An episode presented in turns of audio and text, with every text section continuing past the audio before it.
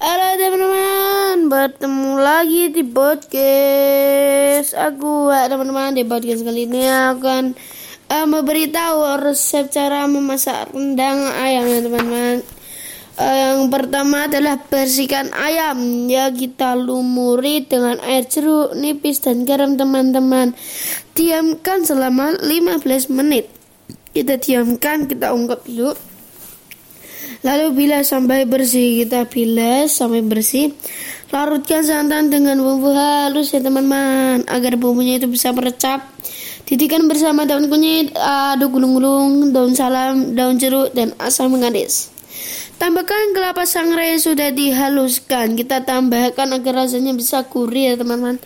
Aduk rata, masak sampai santan mengental dan berminyak ya. Masukkan ayam aduk masak sampai ayam matang dan santan agak mengering. Bagi kalian yang suka dengan podcast ini jangan lupa ikutin terus.